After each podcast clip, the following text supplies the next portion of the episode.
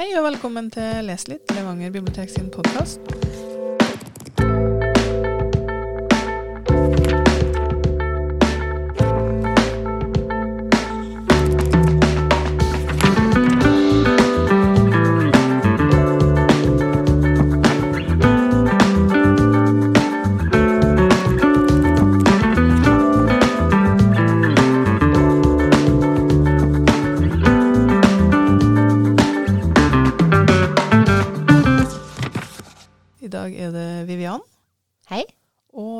Som skal gi dere noen boktips. Og jeg ser du, Vivian, du sitter jo med ei bok i handa nå som er veldig populær for tida.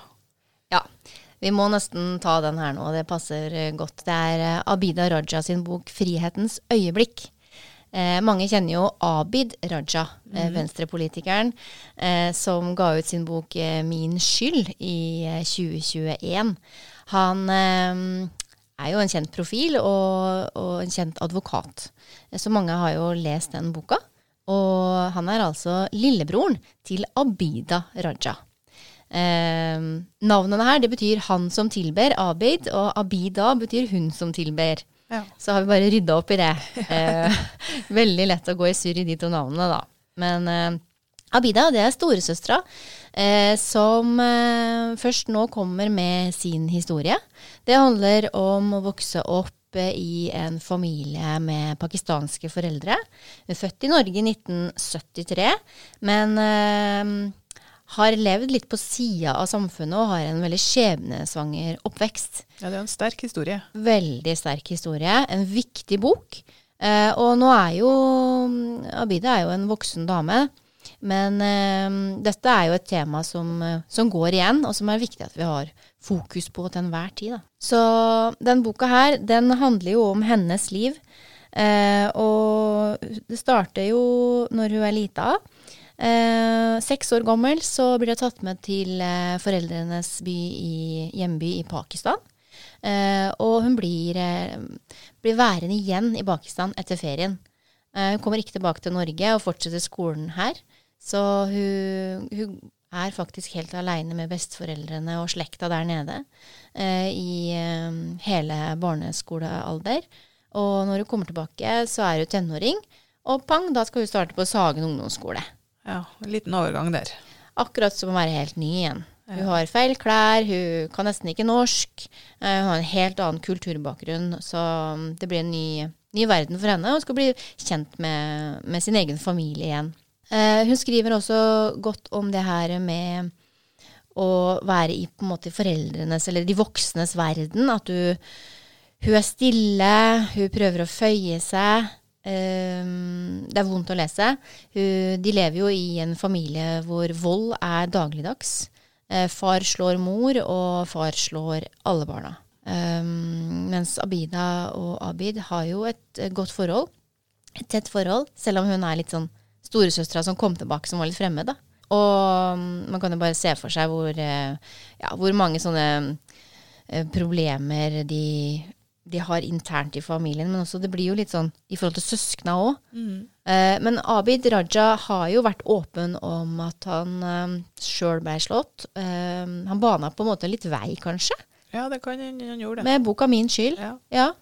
Eh, og han har vært veldig åpen om det at han hadde en, eh, en fysisk funksjonshemning. Og det tenker jeg er viktig for, eh, for andre. At en så smart fyr som har kommet så langt, eh, til tross for et fysisk handikap, eh, og tør å snakke om det nå i etterkant, da. Hvor vanskelig det har vært. Eh, og Abida, hun var jo ei som ville passe på lillebroren sin. Så jeg tenkte jeg skulle lese en liten snutt, jeg. Ja. Ja, om hvordan det der var. Eh, og da er vi altså tilbake i Norge igjen, når Abida har kommet eh, til eh, Oslo etter flere år i, i Pakistan. Det blei vår igjen, og Abida var 14 år. Abid to år yngre. De sto sammen med noen nabogutter på bakketoppen øverst i Iladalen, like ved den gule kirken de besøkte når det var ungdomskvelder med bordtennis og pizza. Plutselig sa Mohammed, en av guttene, noe om Abid. De andre lo, og Abid forsøkte å smile med. Ingen av de voksne snakket om det, men alle visste hva Abid sleit med. Alle barna visste hva de skulle si hvis de ønsket å såre han eller få en latter på hans bekostning. Som regel var det ufarlig, for lille Abid spilte gjerne med og gjorde spotten om til spøk. Før noen reagerte, dæljet Abida til Mohammed. De var gode venner, men nå greip hun tak i håret hans og veltet seg over han.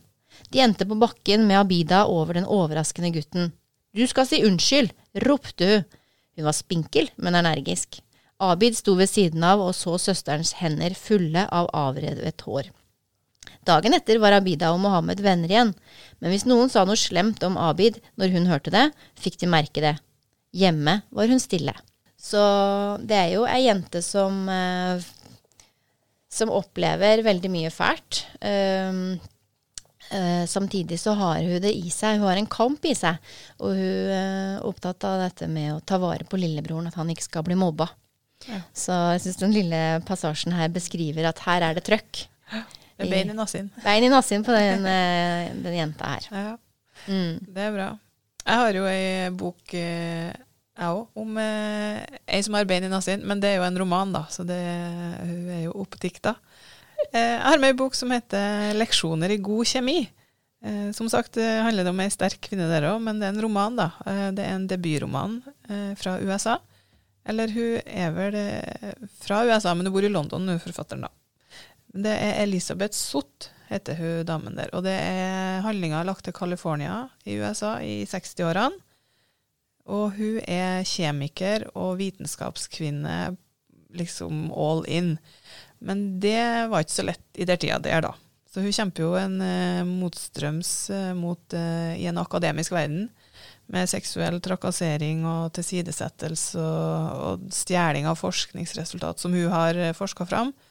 Så, men hun dama her, hun er beintøff, hun også, syns jeg. og rett fram og direkte i talen sin, uten at hun er verken frekk eller usmakelig. Bare veldig herlig, syns jeg, da. Eh, og boka starter med at uh, hun legger en uh, liksom på morgenen, en morgen i California, og så legger han noen lapper i matboksen til dattera si, som skal på skolen. Og, og der står det sånne heiarop til dattera. Liksom, uh, ikke lett guttene slå deg, og, og sånne ting. For det som har skjedd, er jo at hun har, måttet, hun har mista jobben sin, så hun har en sånn, fått en annen jobb som hun ikke er helt uh, like, da, men det, hun må ha penger fordi at uh, kjæresten hennes uh, er død, Og hun trenger penger til å forsørge dattera si. men hun er jo en, et forskningstalent av rang. så hun bruker Hun havner da altså på en sånn kveldsshow, ettermiddags-TV, med matlaging. Og da bruker hun kjemitalentet sitt. Så hun bruker kjemien i matlaginga når hun forteller dette her og formidler matlaginga, og, og litt sånn kvinnekamp inni dette her, da. Eh, så det, det, er jo litt sånn feel good-litteratur, men eh, det kan jo være godt noen gang, det òg. Eh, hun får òg en hund som blir kallende halv sju, og det er rett og slett fordi at eh, Eller halv, halv syv da i boka, men eh, på trøndersk så ble det halv sju. Eh, så det er for at når hun er, hun er, på tur hjem fra butikken, og så dere hunden da, som vi får i boka, så får vi tankene til hund. Og han tenker jo at hun der hun så ut som det var lurt å følge med før etter, da. Så han bare går bak hun når de går hjem. Og så når hun kommer hjem, så roper mannen eller han kjæresten hennes, da, han Calvin der, hva, hva, hun har med seg, liksom. Men da tror hun at han roper hva er klokka, så da sier hun halv sju. Ja. Og så sier så blir den hunden halv sju, da. Ja. ja. Og det er litt artig i boka, syns jeg, for du får, eh, du får sett det fra hundens side. Du får liksom tankene til hunden, og den er jo den er bare helt makeløs. Så hvis du er glad i hund i tillegg, så kan boka anbefales, da. Så har du med deg noen uh, flere bøker, har ikke du det, Vivian? Jo da fra Abida Raja og, og hennes eh, liv, som vi kunne snakka sikkert mye, mye mer om.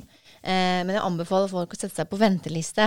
Eh, folk har sikkert fått med seg Karin Smirnov sitt navn, fordi hun er jo den som har overtatt eh, stafettpinnen etter eh, Lagerkrans, som skriver videre på Stig Larssons Millennium-serie. Menn som hater kvinner og de mm. herre. Mm. Så det er jo krim. Eh, og Karin Smirnov skriver på, på, den serien nå. Men hun ble kjent med den første boka, som eh, heter eh, Jeg dro ned til Bror, som er da bok én i eh, trilogien om Jana Kippo. Um, Karin Smirnov er jo en uh, dame som ikke har vært forfatter hele livet. Hun har jobba som, som, journalist, hun har jobba i trevare, hun har hatt mange ordinære jobber, da. Hun bor i Piteå nå, i, i Sverige. og men serien om Jana Kippo den foregår i, i Nordbotten. Eh, det handler om Jana og tvillingbroren Bror. Han heter faktisk Bror da, ja. i, i, romanen. Eh, og de vokser opp under helt forferdelige forhold. Eh, faren eh, drikker, han slår. Han er slem med alle, eh, inkludert dyra på gården. Eh, og de blir også utsatt for incest. Så dette er virkelig tragedie. Um, men Jana hun er ei tøff jente. Hun uh, lar seg ikke uh, knekke. Og dette med å Vi vet jo at det å oppleve vold i barndommen er en høy risiko for at du sjøl kan utøve vold mot andre når du sjøl blir voksen, også mot egne barn eller partner. Det er det samme i forhold til, til dårlig behandling av dyr, vold mot dyr. Men Jana hun snakker med dyrene. Og hun har et godt forhold til alle hundene som hun har, og alle dyrene som hun treffer på sin vei. Så jeg tenkte litt på det når du sa at hun snakka, at hun fikk, fikk eh, hundens perspektiv, da. Ja. Så er det litt det, det samme her. Mm. At eh, hun har et godt forhold til dyra. Nei, altså bok én er 'Jeg dro ned til bror'. Bok to er 'Vi dro opp med mor'. Da er det jo, I bok to så er jo Eh, mora død, og mora har en veldig sånn eh, tafatt eh, holdning i forhold til Hun støtter ikke barna sine overhodet. Hun eh, bidrar ikke til at det blir noe endring i de misære familieforholdene. Eh, og det tenker jeg òg er et symbol på at her har det skjedd noe med mor også. Hvorfor ble hun sånn? Hvorfor gjør hun ikke noen ting? Hvorfor eh, redder hun ikke barna sine ut fra, fra farens grep? som også er et interessant perspektiv. I bok tre, som heter Så dro jeg hjem, så får vi en oppnøsting da, av eh, hva som har skjedd tidligere. Så det er veldig viktig å lese disse bøkene i rekkefølge.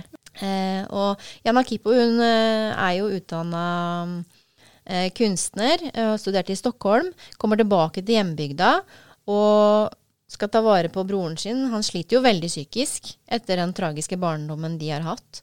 Eh, det handler om arbeidsledighet, det handler om eh, hierarki i ei lita bygd. Det handler om um, prøvelser. Det handler om å prøve å få til noe forhold, noe, noe godhet. Mm. Um, Jana i, starter å jobbe i hjemmesykepleien. Det er jo der man får jobb, da. Ja. Det, det, er alltid behov for hender. Um, men uh, jeg tenker også at uh, Smirnov har et uh, politisk spark der til hvordan uh, eldreomsorgen faktisk drives ja. her oppe i Skandinavia. Mm. Hvor lite penger det er snakk om, og hvor vanskelig det er for de som har de stillingene. Og hvor vanskelig det er for de eldre som trenger den hjelpa, mm. som ikke er god nok.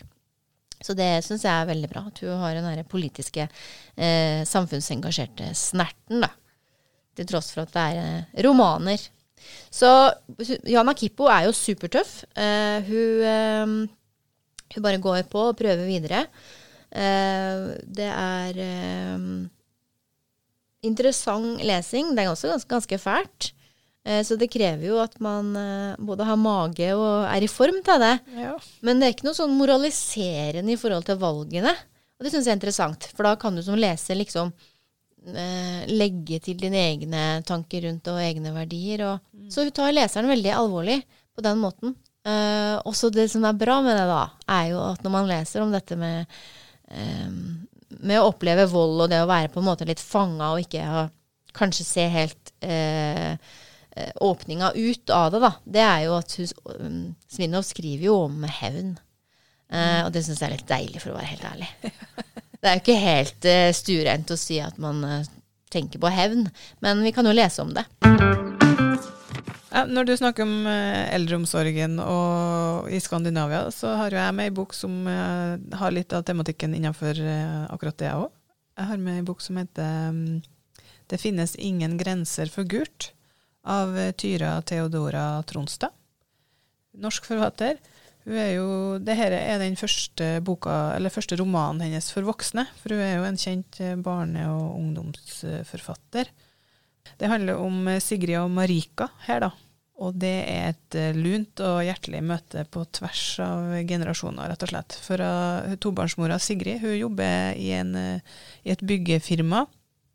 Og der lever av å levere velformulert salgspropaganda til salgsavdelinga i dette firmaet. Selg boliger, liksom. Finn lykken i Frydenbo nummer én og sånn type uh, tekster. da. Men hun gremmer seg litt over denne kommersialismen og banaliseringa i denne jobben sin, men, men, hun har en familie med en samboer og to døtre, så hun må ha jobb, for at eh, samboerne ikke er jobb, så de har kun ei inntekt. Så det er litt sånn eh, ja, det så lenge det betales, så er det greit. Men det hun egentlig drømmer om, da, er jo å være lyriker og skrive dikt. Så hun i tidlig morgenstunder og sene kveldstimer, og delvis i smug på jobb òg, så sitter hun og skriver disse diktene, da. Men det er ingen som vet. Det er veldig sånn hemmelig. Eh, ikke samboeren eller noen andre som får lese disse diktene. Og så en dag da, når du er på tur hjem fra butikken, det er det liksom hele romanen starter med, så snupler jeg rett og slett nesten over ei dame som heter Marika. Eh, hun er noen og 80 år, og hun ser henne rett og slett ikke.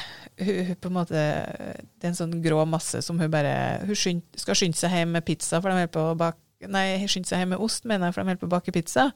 Eh, og sparsker unna krykkene, så hun er redd for at den gamle dama bekker, da. Men hun berger akkurat, og så full av dårlig samvittighet, da, så tilbyr Sigrid seg å bore handleposen hennes hjem. Og huset til hun Marika det viser jo seg å være rett i nabolaget til Sigrid. Hun har jo sett det og passert det mange ganger, men hun har liksom ikke fundert hvem det er som bor i det huset. Eh, og da de kommer dit, så får Sigrid sitt første illeluktende møte med heimen hennes, for skiten står oppover veggene, og det flyter med søppel. Men så til tross da for Marika sitt bitre og sjølmedlidende vesen, så tilbyr Sigrid umiddelbart si hjelp. For um, Marika hun er, hun er, kanskje ikke den koselige gamle dama, hun er litt sånn storkjefta og uhøflig og intolerant. Men lell, eller kanskje derfor, da, så innleder Sigrid et vennskap med Marika, og dette blir starten på treår, en treårig relasjon mellom dem, da. Kanskje ikke bestandig like positiv, men eh, det blir nå en relasjon. For som hun Marika sier, da, så sier vi kunstnere må holde sammen. Ja. Så eh, det er Og da får vi jo et innblikk i eldreomsorgen og det, den det å bli gammel, da, rett og slett. For um, Og hvor, skal du forholde deg til det? Skal du, altså, noe med å trenge deg på kontra For kanskje noen ikke vil ha hjelp, men de trenger det, men så må de innse det sjøl. Så det er litt det det handler om her, da. Og så er det jo den der, der behovet for å uttrykke seg kunstnerisk, da, som begge her to damene sitter med. En annen bok som det kan være interessant å lese om, er jo eh, Mariam Rasulis 'Blomsten og trollet'. Eh, Mariam Rasuli er fra Afghanistan, kom til Norge i 2003 og bor i Trondheim. Og denne boka her, 'Blomsten og trollet', ble utgitt i, i fjor, i 2021, når Taliban på nytt tok over makta i, i Afghanistan. Eh, det handler om ei lita jente som jeg syns kan kanskje ha noen sammenligninger i forhold til eh, eh, Abida, men dette er jo en eh, roman. Og Fatima hun er lita, bor sammen med storesøster, lillesøster og far og mor. Eh, romanen handler, starter med at Fatima passer på mm, lillesøstera si og bærer hun i et sånt sjal på ryggen, som vi kanskje har sett fra mm fra andre fattige områder, eller tidligere tider. Da. Og uh, lillesøstera uh, er født litt svak. Uh, mor har ikke nok melk til henne.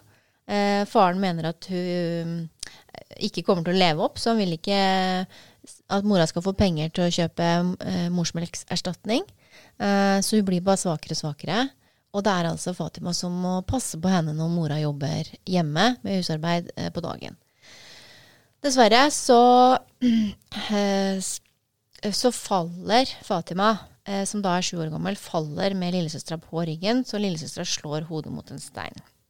Det tør ikke Fatima si til mor, fordi hun husker jo at eh, hvis noen faller og slår seg, og de blør, så er det greit. ikke greit, men altså det er bra i forhold til å falle og slå seg, og ikke ha synlige sår, ikke blø, og kaste opp. Da er det farlig. Da skal man til lege. Fatima skjønner at de ikke har penger til det, og at det, det kan bli vanskelig, så hun unnlater å fortelle mora om hva som har skjedd. Og så eh, dagen etterpå så ligger jo eh, lille Sara død ved siden av eh, Fatima. Og faren mener også at ikke de skal bruke penger på en begravelse til det her. Så det, det liksom setter en stemning veldig De første sidene i boka setter en stemning i forhold til hvor hardt livet til Fatima kan komme til å bli. Mm. Med å leve med en sånn her type hemmelighet. Eh, Fatima har gode venninner, men alle lever de i et veldig voldelig samfunn. De lever også i voldelige hjem, eh, og de blir tvangsgifta tidlig. Eh, når Fatima kommer i puberteten og starter med menstruasjon, så blir hun eh, forlova til en mye eldre mann uten at hun vil det selv. Dette er noe faren bestemmer, og hun har ingen vei utenom. Um, Etter hvert så um, må hun jo gifte seg med den herre Abdul Karim. Uh, han har flere koner. Så handler det om da lille Fatima om å finne rollen sin i den gjengen her, da. Og de er ikke solidariske, de andre damene. Oi. Så Fatima må prøve å finne veien sin sjøl. Ja, det er jo helt forferdelig å lese om. Og dette er jo da i Afghanistan på 80-tallet. Um, Og og dessverre skremmende aktuelt igjen i dag. Skremmende aktuelt igjen i dag, og i alle områder tenker jeg hvor eh, det handler om eh, kaos, krig og fattigdom, så gjør eh, mennesker helt utrolige ting for å overleve. Og eh, ja, så den, dette er en veldig viktig, viktig stemme i forhold til å ta vare på, på de unge. Ehm, så det er, det er vondt å lese. Det er mye, mye vold her. Men også Fatima er jo eh, en karakter som ikke lar seg knekke. Ja, for det er jo det som blir litt imponerende, egentlig. At Ja. du liksom ikke Ja, du lar deg ikke knekke. Utrolig nok. Ja. Så med så mye motgang, så, så klarer hun seg eh, med alle de tap som hun går gjennom i livet, og klarer å flykte til, eh, til Europa, og, og kommer til Norge da som flyktning. Så dette er ei bok som er verdt å lese, og på framsida her så ser vi jo bilde av ei, en person i burka. Mm. Eh, og det er jo bare helt forferdelig tragisk igjen at eh, Taliban nå har Ja. makta i Afghanistan. Men det er jo et eget kapittel, en egen podkast. ja, det er nok eh, dessverre det, skulle jeg til å si. Så. Ja, Ja. men den vil jeg anbefale. 'Blomsten og trollet'. Blomsten og trollet. Ja. Jeg har jo med ei som blir på en måte nesten litt sånn ytterligheten her da, nå da, i forhold til frihet, skulle jeg si. For uh, Trude Marstein har jo kommet med bok igjen. Uh, hun Ja. har jo skrevet mange bøker, og nå er det en ny eh, bok som blir tydet til å bli veldig populær. 'Egne barn' heter den. Det handler jo om Anja og Ivar, som er et fraskjært par. Og så skal, har de eh, De har flytta fra hverandre for eh, fem-seks år siden, tror jeg. eh, Har to felles barn. Og så de, har de fortsatt et felles torp i Sverige. Og handlinga er da lagt til den helga de skal ha en stor dugnad på dette torpet. Så da er det da altså Anja med sin nye partner, mm, og Ivar med sin nye partner, og det er Anja sin datter, som hun fikk før hun traff Ivar, som er om hun er nært voksen av 1920, tror jeg, med kjæreste. Og så har du Anja og Ivar sine to barn, som er 14 og 8, tror jeg. Ja. Skikkelig moderne storfamilie med Moderne alle storfamilie, forviklinger. Egne barn, stebarn. Ja. Ja. ja. Så jeg måtte jo tegne meg litt sånn familietrener liksom, for å få plassert disse personene. Men eh, det er noe så. så. Og det er jo det boka her handler om, egentlig. Eh, men det er egne barn, da. Det er jo ikke eh, forholdet til nødvendigvis stebarna, men det er forholdet til egne barn. For uh, hun Anja der, da, det er jo hun som blir Det er hun som er jeg-person, på et vis. Det er hennes uh, uh, tanker og, og funderinger rundt forholdet til Ivar og forholdet til Pål, som er den nye kjæresten hennes eh, eh, det vi får høre om. Og det er jo veldig sånn um, muntlig og mye dialog, så du får nesten sånn Du får følelse av at du sitter rundt det bordet du òg, liksom bare følger med på hvem er som snakker nå, og hvem er som snakker da. Ja. Uh, så du uh, får litt sånn film i hø- hodet, nesten. Så det fungerer jo godt. Eh, Og så er det jo komisk melodrama, men eh, mellom, altså vakle mellom moderlig omsorg til litt sånn kyniske refleksjoner nesten òg. Og tenker liksom sånn, nei, tidvis så tror jeg ikke jeg hadde vært noe glad i ungene mine hvis ikke jeg hadde vært for at jeg hadde vært mora deres. Så, og så tar du opp dere spørsmålene da med hvorfor, folk, hvorfor, hvorfor gikk vi fra hverandre? Vi hadde jo bra, og hva for det funderes, hun, Anja funderer veldig på forholdet fra, med han Ivar. da. Det er mye tilbakeblikk i det forholdet de hadde. Og, og det er ja, hvorfor tar det slutt, og hvilke omkostninger har det egentlig for de voksne og, og ungene, ikke minst, da, som blir kasta inn i nye forhold, liksom. Og, og hva blir det av det vi mister? Sant? Det er jo noe sånn sorg over det. Og dere bonusbarna, når er de en eh, belønning? Eller er de Du blir jo ikke liksom automatisk glad i en ny person. Det gjelder jo både voksne og barn, tenker jeg. Så det, hun baler litt med det, da, hun Anja her. Så det er jo det boka tar for seg. Og så i tillegg så er jo han eh, kjæresten til Tuva, han er jo psykologstudent. Oi. Ja, så vi får en liten sånn eh, Noen stikk ifra han, litt sånn bedre viter på sida der. Så, og det mm, ja, det blir jo humoristisk, rett og slett. Sjøl om det kanskje ikke han mener det sånn. Mm. Så det er nå ei eh, bok som jeg tror blir å slå an litt i høst. Så det var jo bra spredning i feltet, Ja, du verden. Og det har vi jo på biblioteket. Det har vi på biblioteket. Her har vi noe for alle. Takk for oss. Ha det bra.